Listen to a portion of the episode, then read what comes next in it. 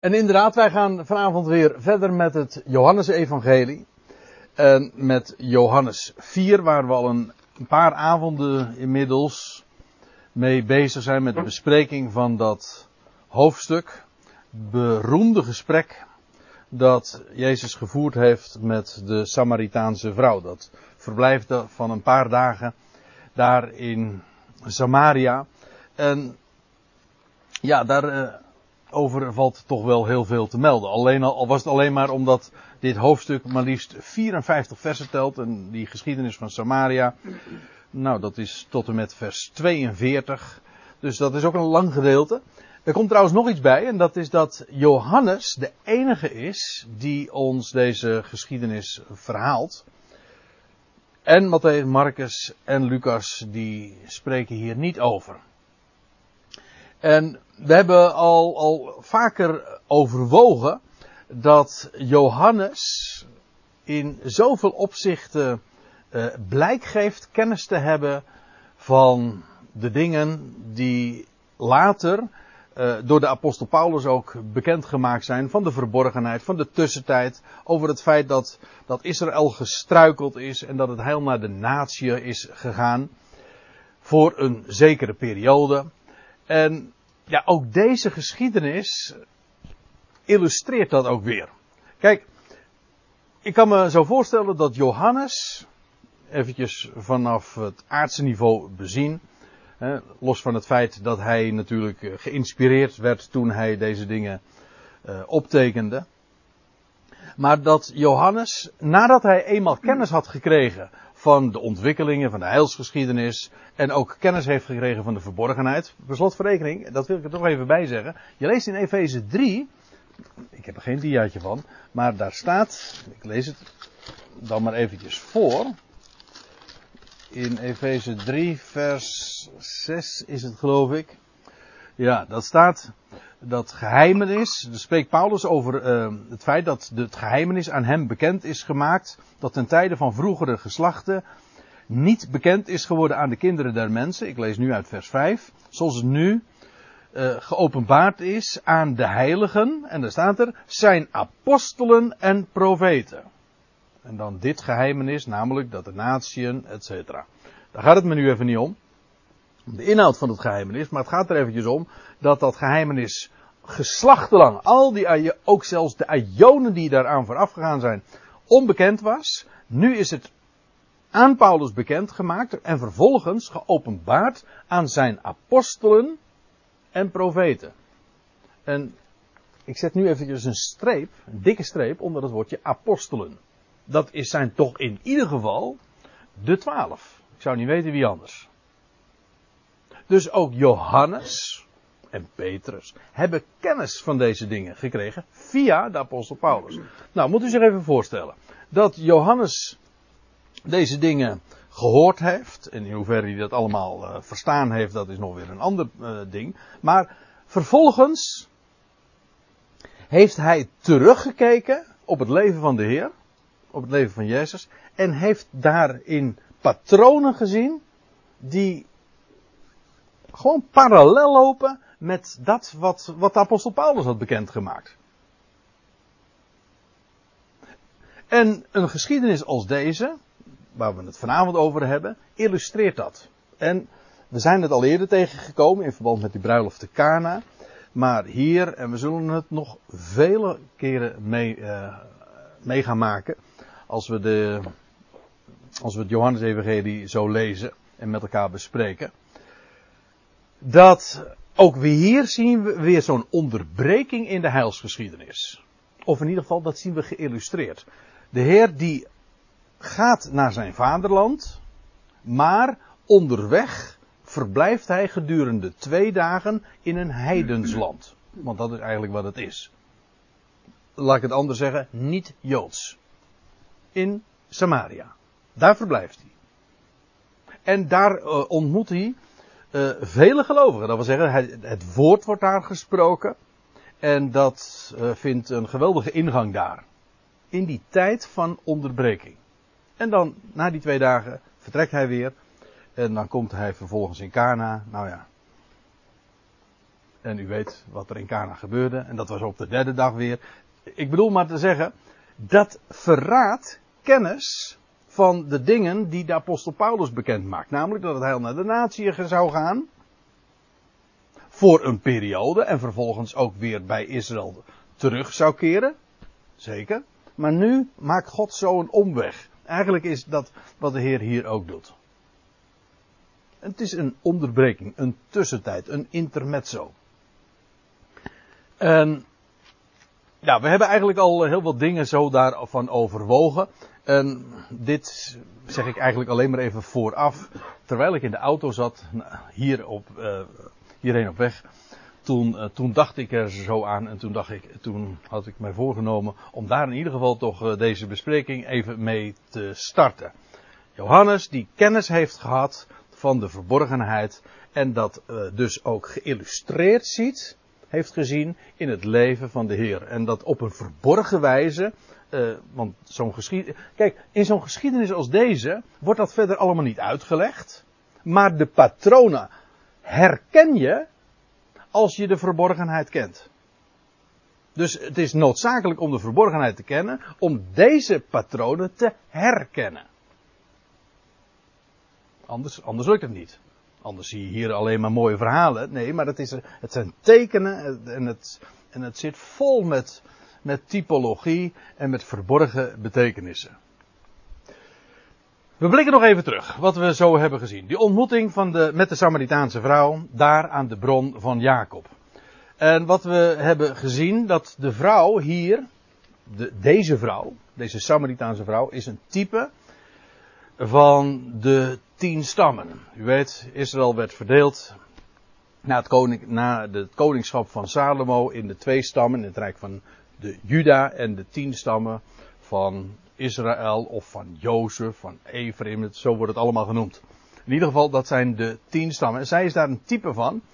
Uh, daar zijn een paar overwegingen daarbij. Samaria was namelijk ook het gebied van de tien stammen.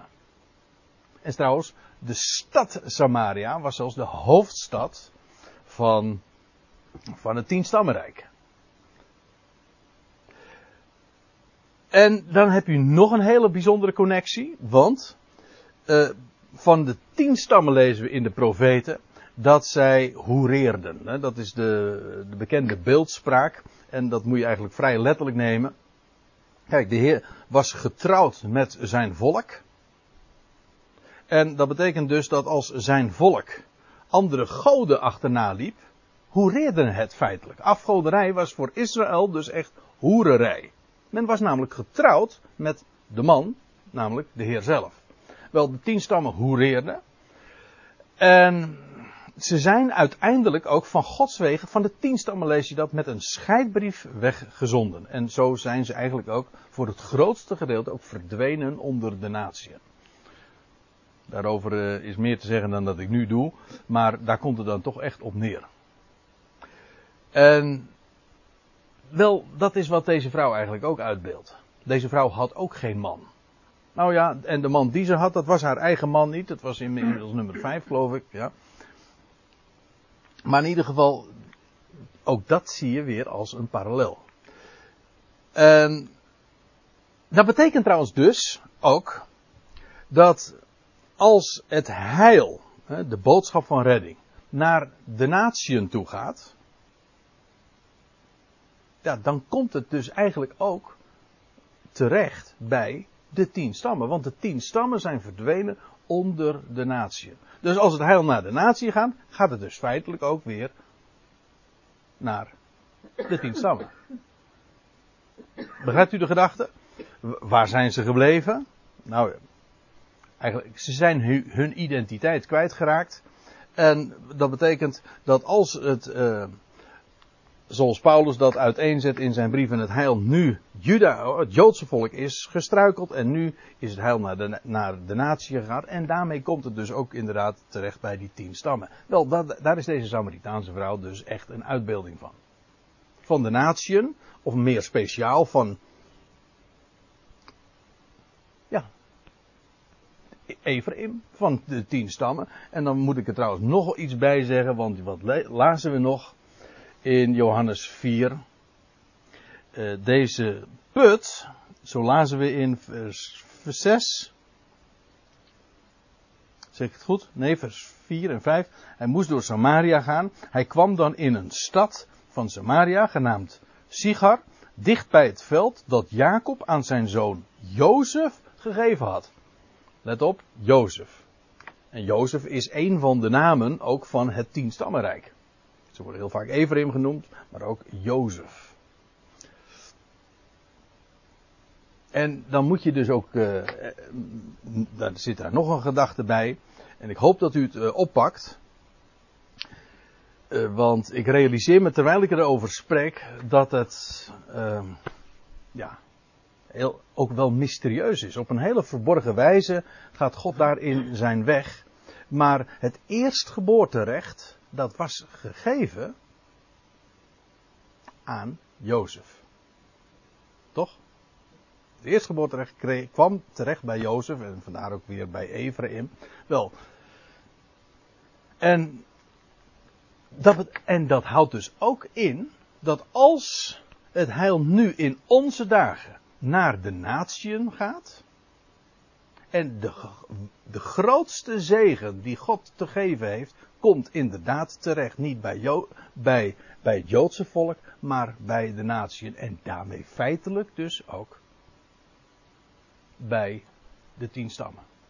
Ik denk dat ik hier nog maar eens een keertje wat, uh, een, wat systematischer een, uh, een avond over moet beleggen. En om, om dit zo eens uh, uiteen te zetten. Want hier zit nogal wat aan vast. Nog eventjes uh, naar deze dia toe. die bron van Jacob. Over die Samaritaanse vrouw had ik het al even. Als type dus van de natieën en meer speciaal van de tien stammen. Maar ook de bron van Jacob. Zij, die bron is een type van het woord van God. Dat kan niet anders het woord Gods dat aan Jacob was toevertrouwd. Zo was het toch? Aan hun, we zullen het trouwens vanavond nog zien, op een ander uh, diaatje, in een ander verband ook. Het woord, de woorden Gods zijn aan, aan, Jacob toevertrouwd. Ja, en dat water dat het levert, het produceert, dat is uiteraard, dat is juist wat de Heer ook in dit hele gesprek uit, uh, uitdrukt en tegen die vrouw zegt, dat is een type van dat wat hij te bieden heeft.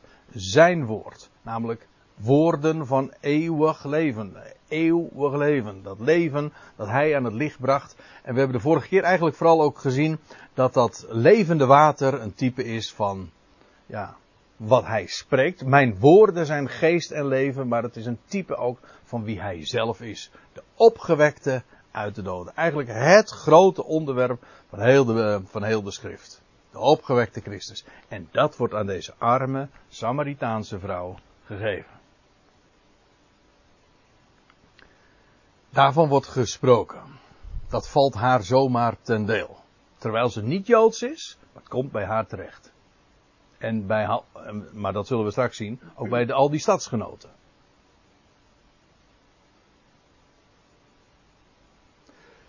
Goed. Nou, we hebben de vorige keer al uh, heel wat van dat gesprek zo gevolgd en zijn we zo uh, zinsdeel voor zinsdeel doorheen gegaan. En het is, pardon, het is de Heer die haar ook uh, dan zo aanspreekt, hè, als hij dan zegt van, uh, ga heen, roep uw man, kom hier. En dan zegt ze, ik heb geen man. En dan zegt de Heer van, ja, terecht zegt hij dat. En dan is hij onthutst en verbaasd dat de Heer daarvan zo precies op de hoogte is. En dan zegt ze ook van, gij zijt de profeet. En dan komt ze met een hele belangrijke vraag. En ik, uh, ik heb wel eens uh, gehoord dat dit dan een soort van afleidingsmanoeuvre zou zijn geweest van deze vrouw om het gesprek op dit onderwerp te brengen. Wat uh, dan in vers 20 naar voren gebracht wordt. Maar ik denk dat het helemaal niet zo is.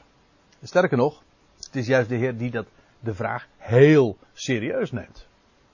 Als zij deze dingen naar voren brengt, over de, dat, gewone, dat grote verschil dat er is tussen de Joden en de Samaritanen. Wel, de Heer neemt dat serieus en dat betekent dat hij is niet van zo apropos gebracht. Integendeel, het is juist de opmaat voor een heel belangrijk onderwijs. Deze vrouw zegt dit. Onze vaderen, die hebben op deze berg aanbeden. Aangebeden. Dat wil zeggen, als je zegt deze, dan kun je dat zo aanwijzen. Dit was bij Sigar. Ik heb u de vorige keer ook een kaartje laten zien. Maar in elk geval, dat was vlak uh, bij die bron van Jacob, die er nog steeds is. Die uh, lag vlak bij, bij uh, de berg Gerizim. En dat lag vlakbij Sichem. Dat is eigenlijk allemaal in diezelfde nou, omgeving. Dat klopt ook wel. Dit gaat niet alleen maar over de Samaritanen, want we kunnen nog verder teruggaan. We kunnen veel verder teruggaan zelfs. Als we er even vanuit gaan dat dit 2000 jaar geleden plaatsvond, wel, dan kunnen we nog 2000 jaar verder teruggaan. Namelijk naar de tijd van, ja, van Abraham. En dan lezen we in Genesis 12. En Abraham trok het land door tot de plek bij Sichem. Maar Sichem, dat is daar bij Sigar. Dus dit is een, uh, een plaats met hele oude papieren. En dan staat er uh, tot de terebint more. More betekent trouwens onderwijs, onderwijzer. een terebint is trouwens een eik, hè? En, sorry? En, maar dat, uh, dat wist jij natuurlijk ook wel. Jij kent ongetwijfeld ook wel de Latijnse naam, nietwaar, Arie? Ja. Quercus. Hè? Quercus. Quercus? Ja. Oké. Nou, laten wij het vanavond bij, bij Eik houden dan. Ja, terebint, ja. Het is eigenlijk heel eigenaardig trouwens, uh, nu we het erover hebben, dat de Statenvertaling spreekt altijd over eik. En eikenbossen en eiken. En het is de nieuwe vertaling, de, of de NBG-vertaling, die altijd over terebinten spreekt. Nou denk ik bij mezelf, uh, wat is nou duidelijker? Gewoner Nederlands dan vind ik toch echt een eik heel wat gewoner en vertrouwder in de oren klinken dan een terebint. Ik denk dan meteen aan aardappeltjes. Ja. maar de, terebintjes, ja. maar uh, de terebint is gewoon een eik dus. En dat, daar speelt het eh, leven van de aartsvaders een hele grote rol iedere keer weer bij. Hier bij More, je leest ook nog over de tere binten van de eikenbossen van uh, Mamre. Uh, bij allerlei gelegenheden. Vooral in het leven van de aartsvaders. Van, ja, van Abraham, iedere keer vestigde hij zich daarbij een eik. Dat heeft alles te maken met de belofte die God had gegeven. Daar, het woordje eik, dat betekent eigenlijk ook eet. God heeft Abraham een eed gezworen. Wel, daar herinnert het zo'n eik uh, aan. En daarom ging Abraham daar naartoe. Later kreeg je ook nog het, het, het symbool daarvan, namelijk in het teken van de besnijdenis. Maar goed, dat is nu verder niet het onderwerp. Hij kwam bij Sichem tot de terebent More en de Canaanieten waren toen in het land. U moet zich realiseren, Genesis 12, dat is het hoofdstuk waar Abraham geroepen wordt. En dan staat er, toen verscheen de Heer aan Abraham en zeide aan uw zaad, letterlijk, zal ik dit land geven.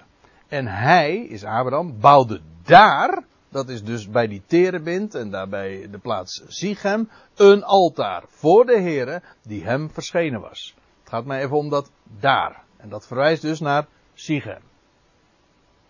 Dus als deze vrouw zegt, ja, onze vaderen hebben aanbeden, dan kan ze natuurlijk erop wijzen dat daar een tempel van de Samaritanen ook bij de berg Gerizim stond. Jawel, maar ze kan nog eventjes heel veel, veel verder teruggaan in het verleden. Namelijk dat de aartsvaders daar al hebben aanbeden en een altaar bouwden. En dit is dan Abraham, maar als ik even nog verder blader in het boek Genesis, dan kom je bij Genesis 33 uit en dat is Jacob die dan. We hebben hier trouwens, in, juist in dit verband uh, van deze Samaritaanse vrouw, hebben we al e-, eerder eventjes uh, aandacht gegeven aan dit vers. Maar Jacob komt dan uit, ja, komt, hij is 20 jaar, twee decennia, als ik het zo even zeg, hij was twee decennia in het buitenland geweest, namelijk bij zijn oom Laban. En dan komt hij weer terug, dan komt Jacob weer terug in het land, na twee decennia. Twintig jaren. Nou, en dan staat er Jacob, u voelt wel, dit loopt weer parallel met waar we het zojuist over hadden. Weer zo'n tussentijd. Die twintig jaren van Jacob in, in het buitenland is natuurlijk, kan niet missen, een type ook weer van die tussentijd waar wij ons in bevinden. Die tussentijd waarin Jacob, ja, waar is die dan? Nou, in ieder geval niet in zijn eigen land. In het land dat hem beloofd was. Maar hier komt hij weer terug. Hij kwam, kwam op zijn tocht uit Paddan Aram. Dat is een hele tocht hoor. Hij kwam behouden aan bij de stad Zichem. Daar heb je hem weer. Die stad waar ooit zijn opa dus dat altaar bouwde. In het land Canaan. Hij sloeg zijn legerplaats ten oosten van de stad op. En hij kocht voor honderd geldstukken het land waarop hij zijn tent gespannen had van de zonen van Hemor, de vader van Sichem. Um, nou, het is dat stuk land dat Jacob dan vervolgens later aan zijn zoon Jozef geeft. En daar, wel, in dat gebied vindt dit gesprek met de Samaritaanse vrouw plaats. Ziet u? Dus die, die lijnen zijn heel gemakkelijk zo nog te traceren en aanwijsbaar. En dan staat er, ook van Jacob, daar, dus daarbij de stad Sichem, waar hij zijn tent had gespannen, dat stuk land wat hij gekocht had en wat hij aan zijn zoon Jozef zou geven. En waar, die, waar later de Samaritaanse vrouw een ontmoeting zou hebben met, ja, met de Messias. Nou, daar richtte hij een altaar op en noemde dat de God van Israël is God. Mooi hè? Want als die vrouw dus zegt, onze vaderen hebben op deze berg aanbeden. Gewoon hier, deze locatie. Ja, dan uh, kun je dat negatief interpreteren. Zeggen van ja, die Samaritanen waren de weg kwijt. Oké, dat is ook zo. Dat is heel goed uh, te bewijzen. Maar als je nou even gewoon verder teruggaat, gewoon naar de aartsvaders, dan klopt het wel. Dit is dus een hele markante bodem. En niet zomaar een plaats. En dan heb ik er nog eentje. Deuteronomium 11. Daar lees je. Wanneer nu, dit is wat Mozes dan zegt tegen het volk, wanneer nu de Heere uw God u gebracht zal hebben in het land, dat gij in bezit gaat nemen, dat zou Mozes zelf niet meer meemaken, dan zult gij de zegen uitspreken op de berg Gerizim. Nou, dat is die berg waarvan die vrouw zegt, deze berg. Dat is de berg waar de zegen zou worden uitgesproken. En op die berg die daarnaast ligt, heel eigenaardig, ik, weet niet of u dat uh, kent. Ik zou daar, ja, ik denk dat, ik, uh, dat het niet zo moeilijk is om plaatjes daarvan te laten zien. Ik zal het straks eventjes trouwens laten zien via internet. Maar een, uh, de berg uh, Ebal en Gerizim, dat zijn twee van die merkwaardige, van die hol, van die bolvormige, ja, van die koepels eigenlijk. En heel opvallend in het landschap. Zo naast of tegenover elkaar. Gerizim en Ebal. Maar in ieder geval, Gerizim vertegenwoordigt daarbij de zegen. Nou, het verhaal wat daaraan vast zit, dat laat ik nu even voor, voor wat het is. Dit moet genoeg zijn. Dus het gaat er even om, die vrouw zegt, onze vaderen hebben op deze berg aanbeden. En dan gaat ze verder. En gij lieden, jullie, jullie zeggen dat te Jeruzalem de plaats is waar men moet aanbidden de plaats. Hotopos. Weet je wat ze in, de, uh, in het Hebreeuws is het uh, de plaats. Dat is een hele bekende uitdrukking die we in het Oude Testament vele malen tegenkomen. De plaats. Als je, dan, zegt, dan zegt een Hebreeër ha makom. Ha, maar kom betekent de plaats. God zegt al in het, uh, dat is ook Deuteronomium 12, als jullie in het land gaan komen, dan zouden jullie gaan zoeken naar de plaats waar ik mijn naam ga doen wonen. Het zou pas veel later, eeuwen later zijn, dat ze die plaats ook daadwerkelijk zouden vinden en waar de tempel gebouwd zou worden. Maar in ieder geval, dat is de plaats. Oftewel, dat is de plaats waar, de plaats namelijk waar God zijn naam zou doen wonen. Ja, we kunnen het uh, trouwens ook in, nog in het Jiddisch zeggen. En dan krijg je mokum. Ha, Makom is gewoon eh, de plaats. Dat is Jeruzalem. En vandaar ook dat ze Mokum, Jeruzalem, eh, of eh, Amsterdam, eh, Jeruzalem van het Westen noemen. Hè? Maar het is gewoon de plaats. Jullie zeggen dat Jeruzalem de plaats is waar men moet aanbidden. En ja, dat is eh, volkomen correct. Dus eh, jullie eh, hebben gelijk. Daar komt het op neer. Staat in Psalm 78. Ja, oh, die, die is eigenaardig. Ik, ik ging, ik wilde even een tekst laten zien waar dat zo al in het Oude Testament staat. Nou, dat is niet zo moeilijk. Maar toen kwam ik op uh, Psalm 78 terecht en toen wilde ik vers 68 eventjes afdrukken. En toen zag ik net, in mijn ooghoek, dat vers 67 daaraan vooraf ging. Dat vond ik niet zo'n verrassing, maar wel wat er stond. Hij, daar staat hij, met een hoofdletter, de Heere dus, versmaadde de tent van Jozef. Hij verkoos Ephraim's stam niet. Hoewel die het eerst geboorterecht kreeg. De tent van Jozef, ja. Dat is dus ook weer de tien stammen. En ik wijs er nog weer even op wat in Johannes 4 vers 5 staat. Dat was dus die plek. Dat gebied. Wat Jacob aan zijn zoon Jozef had gegeven. Maar goed. Hij, hij verkoos. Hij verkoos dus niet de tent van Jozef. Niet Ephraim. Maar hij verkoos de stam van Juda. Namelijk de berg Sion die hij lief heeft. Dat was de plaats. Die hij verkoren heeft. Dat is de plaats die hij lief heeft. Nog een paar, uh, nog een andere psalm. Dit is psalm 78, dit is psalm 132. Want de Heere heeft Sion verkoren. Hij heeft het zich ter woning begeerd. Dit is mijn rustplaats voor immer. Hier zal ik wonen. Want haar heb ik begeerd. En haar voedsel zal ik rijkelijk zegen, zegenen. Wat ook nog, uh, als u het mij vraagt, uh, heel sym symbolisch is. Haar voedsel zal ik rijkelijk zegenen. Dat wil zeggen dat wat zij aan, aan, aan voedsel, maar ik bedoel dan ook geestelijk voedsel zal produceren. Ja, dat, daar, daar verbindt de Heer zijn zegen aan. En het voedsel dat van daaruit zal. Zal uh, geproduceerd zal worden. Maar hier ook weer Sion verkoren, daar zal ik wonen. Nou, die vrouw zegt dat zo. Wij, onze vader, hebben op de berg, deze berg aanbeden. Jullie zeggen dat het Jeruzalem is, de plaats is waar men God zou aanbidden. En dan zegt Jezus tot haar, geloof mijn vrouw, de, de uren, geloof mijn vrouw. Weet u dat trouwens de Heer dat maar één keer zegt? Zo. Hij zegt heel vaak, in Johannes Evangelie met name, voorwaar, voorwaar. Maar hier zegt hij, geloof mij, vrouw. Uh, de uren komt dat gij nog op deze berg, nog te Jeruzalem de Vader zult aanbidden.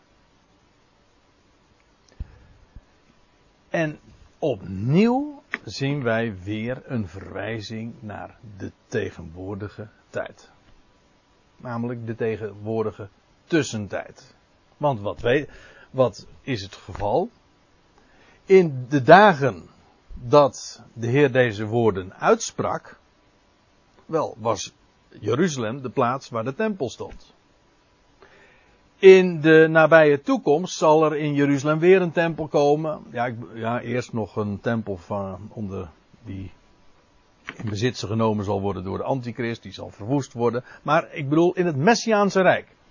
Dan zal Jeruzalem weer Hamakom zijn. De plaats. Daar zal de Heer zijn naam doen wonen. En hij zal daar uh, ook vanuit regeren. En dan, zal, dan zullen de volkeren ook optrekken naar Jeruzalem om daar onderwezen te worden. Kortom, dat zal de plaats zijn waar de Vader ook weer aanbeden zal worden. Maar er komt een uur, zegt de Heer hier, dat, dat jullie nog op deze berg, nog te Jeruzalem de Vader zult aanbidden. En dat spreekt dus van een tussentijd weer. Namelijk van de tegenwoordige tussentijd. Waarin het waarin het volk Israël terzijde staat en het heil naar de natieën gaat. Waar zo'n groot gedeelte dus van de tien stammen in ondergegaan is. Daar, die plek. Die alle rechten hadden verspeeld. Die totaal geen aanspraak kunnen maken, maar de hoogste zegen ontvangen. De eerstgeboortezegen. Dat jullie nog op deze berg, Gerizim, wist u trouwens dat, uh, het was een eeuw uh, ongeveer hiervoor, dat de, de tempel op de berg Gerizim uh, verwoest was. Door de Joden trouwens, door een Joodse hoge priester. Maar de tempel te Jeruzalem, ja, die zou binnenkort, een, genera een generatie later, zou ook daadwerkelijk verwoest worden. Ik heb hier een paar uh, verwijzingen naar, Ik ben daar de laatste tijd erg mee bezig. En de eerstvolgende Bijbelstudie in Rotterdam, in uh, de Aker, wil ik daar wat uh, uitgebreider op ingaan. Op die, die tijdspannen die er gelegen heeft tussen het optreden van de Heer hier op aarde. En de verwoesting van Jeruzalem 40 jaar later, in het jaar 70. Dat is voorzegd. Zelfs de timing is ook al zo voorzegd.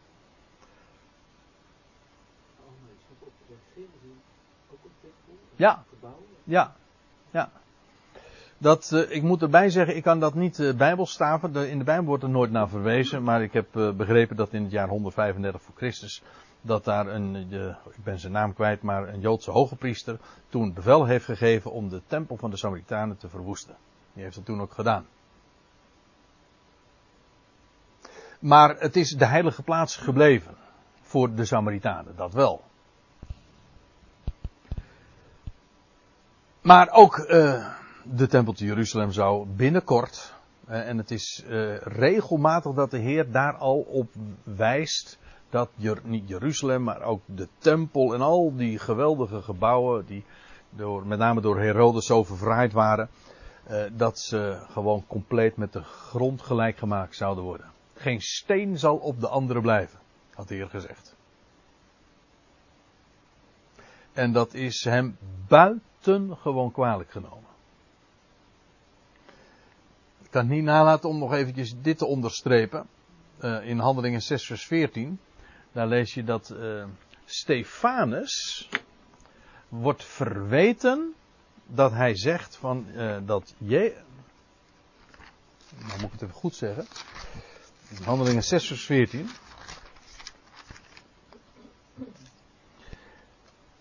Um, als Stefanus dan voor de Sanhedrin gebracht wordt. En dan, dan wordt, en dan wordt uh, hij van het volgende beschuldigd. Deze mens, Stefanus, spreekt onophoudelijk lastelijke woorden tegen deze heilige plaats en de wet. Want wij hebben hem horen zeggen dat deze Jezus, de Nazoreër, deze plaats zal afbreken en de zeden veranderen. Die Mozes ons heeft overgeleverd. Het gaat me even om dat deze Jezus deze plaats zal afbreken. En de Bijbelse gedachte uh, daarachter is in elk geval dat inderdaad Jezus zelf er inderdaad van gesproken heeft dat die plaats zou afgebroken worden. En ook als een vonnis van Gods wegen. Maar hoe dan ook, dan zou er dus niet meer uh, op deze berg, en, maar ook niet te Jeruzalem, wat de plaats is, van oudsher, dan zal er zal een uur komen dat de Vader daar niet aanbeden zal worden. Nou, dat is uh, de situatie op de, uh, in deze dagen, al sinds het jaar 70. Dat het ook daadwerkelijk niet meer te Jeruzalem kan zelfs. Gij aanbidt wat gij niet weet. Of jullie aanbidden wat jullie niet weten. Dat wil zeggen, jullie zijn niet echt op de hoogte van. Jullie zijn Samaritanen, dat is, uh, je kan zeggen van dat dat een arrogante uitspraak is, maar ja, het is gewoon de waarheid. De Samaritanen die hadden, die waren afgeweken van het, uh, het woord van God. En uh, zij zeiden, oh, Gerizim is de plaats, maar dat is niet juist. De, de Heer zegt daarentegen, wij, wij Joden, wij, wij aanbidden wat wij weten. En ja, daarmee wijst hij ook, ook op de, het voorrecht dat aan de Joden was gegeven van oudsher. En wat zegt uh, de psalmist? Psalm 147. Hij heeft Jacob zijn woorden bekendgemaakt, Israël zijn inzettingen en zijn verordeningen. Al dus heeft hij aan geen, elk en, pardon, aan geen enkel volk gedaan. En zijn verordeningen kennen zij niet. Halleluja. Dat klinkt wat vreemd van eh, dat ze, zij dat niet kennen, maar het idee is, waarom wordt God geloofd? Wel, omdat hij zijn inzettingen aan, aan Jacob heeft bekendgemaakt en hen dat voorrecht heeft ten deel doen vallen. En daar wordt God voor geprezen. Voor het feit dat, dat zij, Jacob, zo'n, uh, dat ten deel viel wat uh, aan geen enkel volk was gegeven en gedaan. Heb ik er nog één. Dat is een hele duidelijke. En op dat diaatje wees ik al even eerder deze avond. Romeinen 3. Vraagt Paulus. Wat is dan het voorrecht van de Jood? Een voorrecht. Dat is dus uh, een recht dat je hebt, voor hebt boven anderen. Dat is wat een voorrecht is. Wat is dan het voorrecht van de Jood? Of wat is het nut van de besnijdenis? Nou, niet te snel antwoorden en zeggen: nou, dat is niks. Want Paulus gaat een, uh, nu hier op een ander uit een ander vaatje tappen. Hij zegt: velelei. In elk opzicht. En in de eerste plaats toch dit, dat hun, de Jood, de besnijdenis, de woorden Gods zijn toevertrouwd. Dat is het voorrecht van de Jood. Dat is het voorrecht wat ook aan, ja, aan Jacob is gegeven. En uh, trouwens waar die bron van Jacob ook een beeld van is. Want we hebben er natuurlijk al eerder over gehad dat uh, die bronnen. Ja, als je, als je de woorden Gods wil. Als je de woorden Gods wil vernemen, dan moet je bij de bron van Jacob zijn. Dan moet je uh, gewoon de schriften. Dus de 70 boeken van de Bijbel wezen. Ik zeg het expres even zo, want we hebben de vorige keer er, uh, voor een vorige keer erbij stilgestaan dat je ook nog een andere plaats hebt waar Israël neerstreek, de oase. Dat was bij Elim. En daar staat, daar waren twaalf waterbronnen, 70 palmbomen. Twaalf waterbronnen, 70 palmbomen. Waarbij uh, 70 een embleem is van de volkerenwereld, die, die voedsel putten uh, van dat uh, wat de twaalf produceren. Dat is het ene gedachte. De andere gedachte is ook dat die woorden uh, eigenlijk het getal 70 representeren. De 70 boeken van de Bijbel. Dat weet u toch allemaal, dat de Bijbel 70 boeken kent. Niet? Nou, dan moet ik dat er nog eventjes bij vertellen. Meest, als u, als in een willekeurig handboek na, of in, op categorisatie heb u dat wellicht zo geleerd, of overal wordt dat gewoon gezegd. De Bijbel telt 66 boeken. Ja, er zitten veel te veel S'en in, ja. Dat sist veel te veel. En er zitten trouwens ook, er zitten ook veel te veel zessen in. Hè? Niet alleen S'en, maar ook zessen. En dat uh, vind ik ook wel niet zo aanbevelenswaardig. Maar het punt is dat men het boek De Psalmen dan als één boek rekent. Maar kijk het maar eens na in uw Bijbeltje. Het boek De Psalmen zijn, is niet één boek, het, zijn, het is een collectie boeken van vijf boeken. Kijk het maar na bij Psalm 42, staat er in uw Bijbeltje boven het tweede boek der Psalmen. En dan nog weer een aantal later het derde boek der Psalmen, het vierde boek der Psalmen, het vijfde boek der Psalmen. Dat betekent dus, Psalmen is niet één boek, Psalmen zijn vijf boeken. Met andere woorden, 66 is geen juist getal. Er, gaan, er komen er vier boeken bij. Het is, moet niet als één boek gerekend worden. Het moet als vijf boeken gerekend worden. Het zijn er vier meer. En dan kom je op het getal 70. En ik moet u zeggen, uh, alleen als ik het zo zeg, dan kan het niet missen dat dat ook juist moet zijn. Wie dat verzonnen heeft van die 66 boeken. Volgerman. Hè? Volgerman, zeker. ik weet het niet.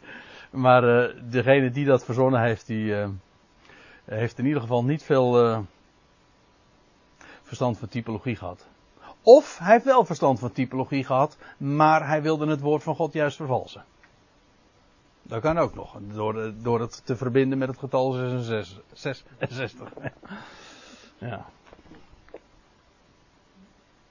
Nou, dat is het voorrecht van de Jood. Dus als de Heer zegt van uh, uh, wij aanbidden wat wij weten, uh, jullie niet.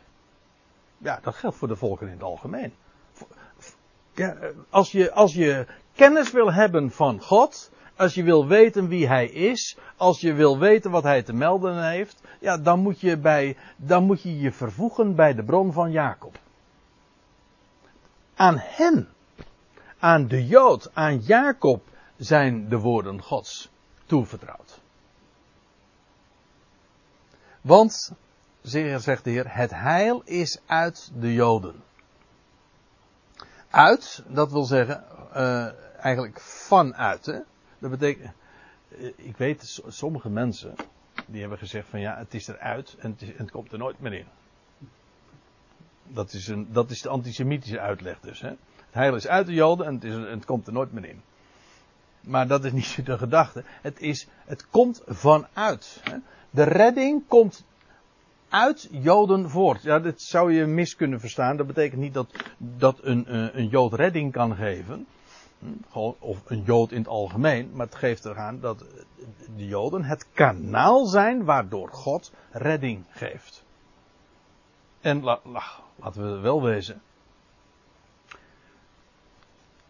Jood, dat betekent eigenlijk ook van Juda. En dat heeft te maken. De redding is gelegen in een Jood. Met een hoofdletter. Is toch niet zo moeilijk. En zijn naam is dan ook Yeshua, Yahweh red. Maar hij is een Jood. Onze Heer is, het is duidelijk, is gesproten, zegt de Hebreeënbriefschrijver, uit de stam van Juda. Maar het heeft ook nog uh, een andere gedachte. Ook hier weer. Het heil is vanuit de Joden. Het heil, u ziet trouwens dat heil, dat betekent gewoon de redding. Dus de redding is vanuit de Joden. Dat betekent dus ook, het blijft niet tot de Joden beperkt. Het is niet alleen maar bij de Joden. Nee, het, het, het komt daaruit voort. Dat woord van redding, dat produceren zij, maar het is niet alleen maar voor henzelf, integendeel. En eigenlijk is dat ook precies wat die bron van Jacob uitbeeldt. Het produceert voor iedereen die daar komt.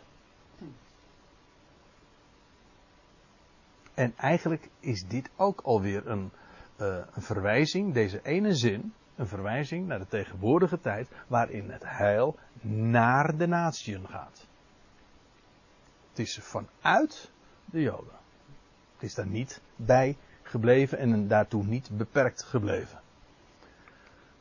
Maar de uren komt, zegt de Heer, dat zei hij zojuist ook al. Uren komt en, en, en, en is nu, en ik geloof, ik heb er al vaker op gewezen, dit is weer zo'n aanvullende kanttekening van, van Johannes.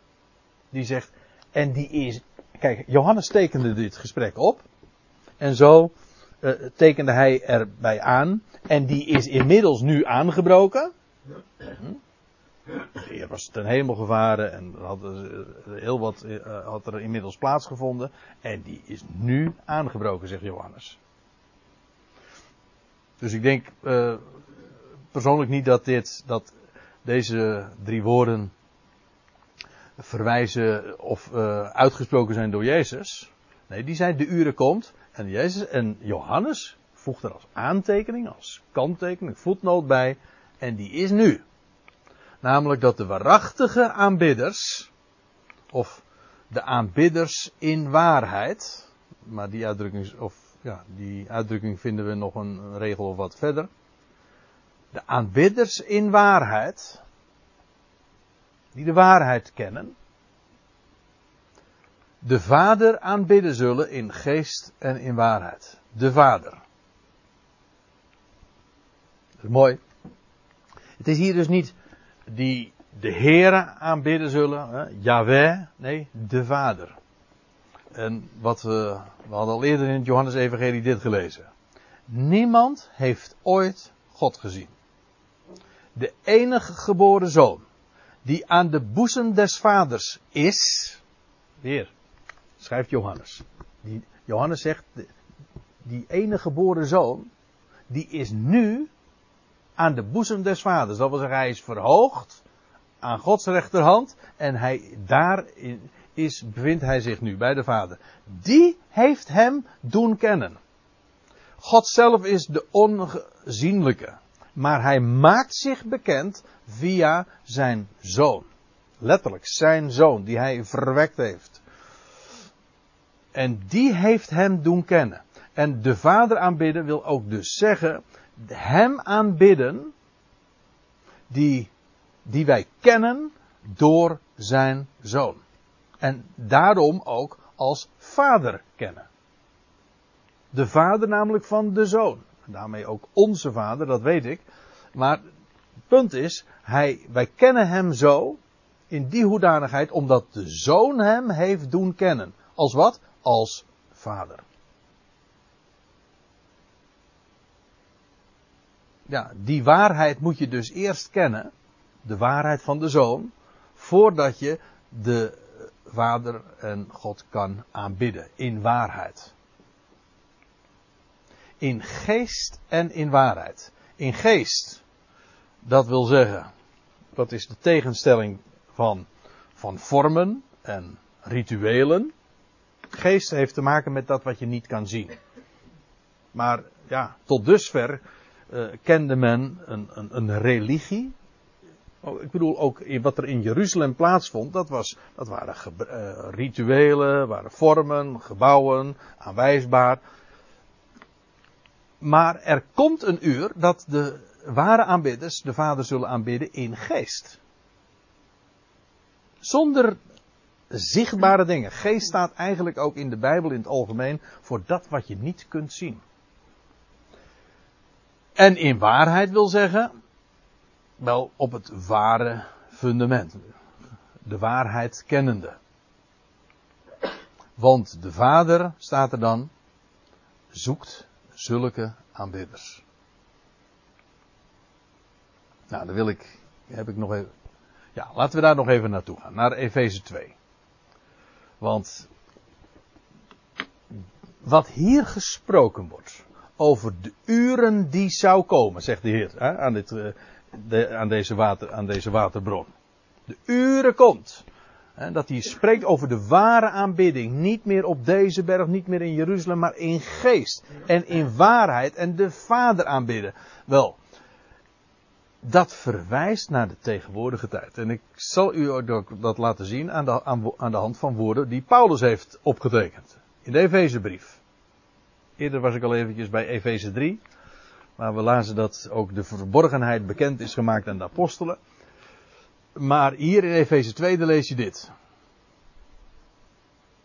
En bij zijn komst heeft hij, Christus, vrede verkondigd aan u die veraf waart en vrede aan hen die dichtbij waren. En dit is een inval van het moment. Ik bedenk mij dit ineens ter plekke. Maar als hier nou staat, bij zijn komst heeft hij vrede verkondigd aan u die veraf waart. Wanneer dan? Hij was toch alleen maar gezonden tot het, de verloren schapen van het huis Israëls. Is hij dan ook bij de niet-Joden geweest? En dan zeg ik ja, daar was hij een keer twee dagen. Ja, hier. Gewoon in Johannes 4. Toen was hij daar.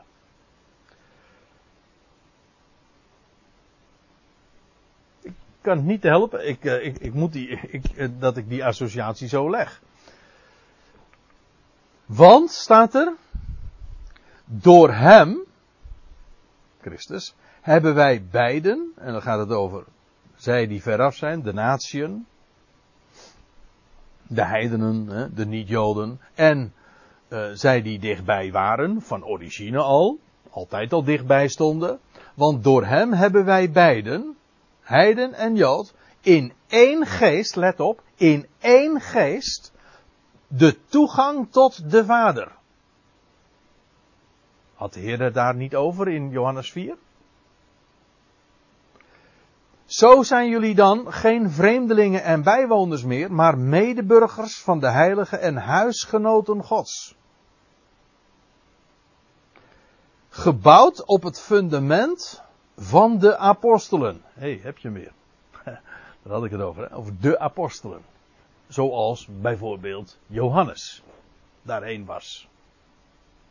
Natuurlijk, Paulus is de, de man geweest aan wie de verborgenheid onthuld is. Maar niettemin is, is dat die gemeente vandaag gebouwd op het fundament van de apostelen en profeten, terwijl Christus Jezus zelf de hoeksteen is. En in hem was elk bouwwerk goed ineensluitend op tot een tempel heilig in de Heer. Met andere woorden, er is vandaag ook een heilige plaats. Maar dat is geen zichtbare locatie. Het is geen gebouw. Het zijn geen rituelen die daar plaatsvinden. Nee, het is een, een, een woonstede Gods in de geest. Dat staat dan weer uh, op een andere plaats. Een woonstede Gods in de geest. Oh, dat is vers 22. Ja, klopt dat? Lees het eens voor als je wil. Ja, dat is het. Die woonsteden gods. In, ik, had, ik had geen ruimte meer op de dia natuurlijk. Maar ik had vers 22, 22 er zeker bij moeten doen. De woonsteden gods in de geest. Nou, dat is het dus. Niet in Jeruzalem, niet op Gerizim. Maar er is een geest. Er is een tempel. Maar dat is een puur geestelijke aangelegenheid. Niet aanwijsbaar, niet geografisch aanwijsbaar. Heeft niets met rituelen te maken. Maar Jood en Heiden zijn daarin verenigd. Huisgenoten Gods. Het is werkelijk ook een tempel. Maar het is een geestelijke aangelegenheid. En zo hebben wij de toegang tot de Vader. Dus, ja, wat Paulus zegt in Efeze 2 sluit, wat mij betreft, naadloos aan bij de voorzegging die de Heer al deed daar bij de bron van Jacob. Zullen we het hier even bij laten en dan, dan pauzeren we eerst even.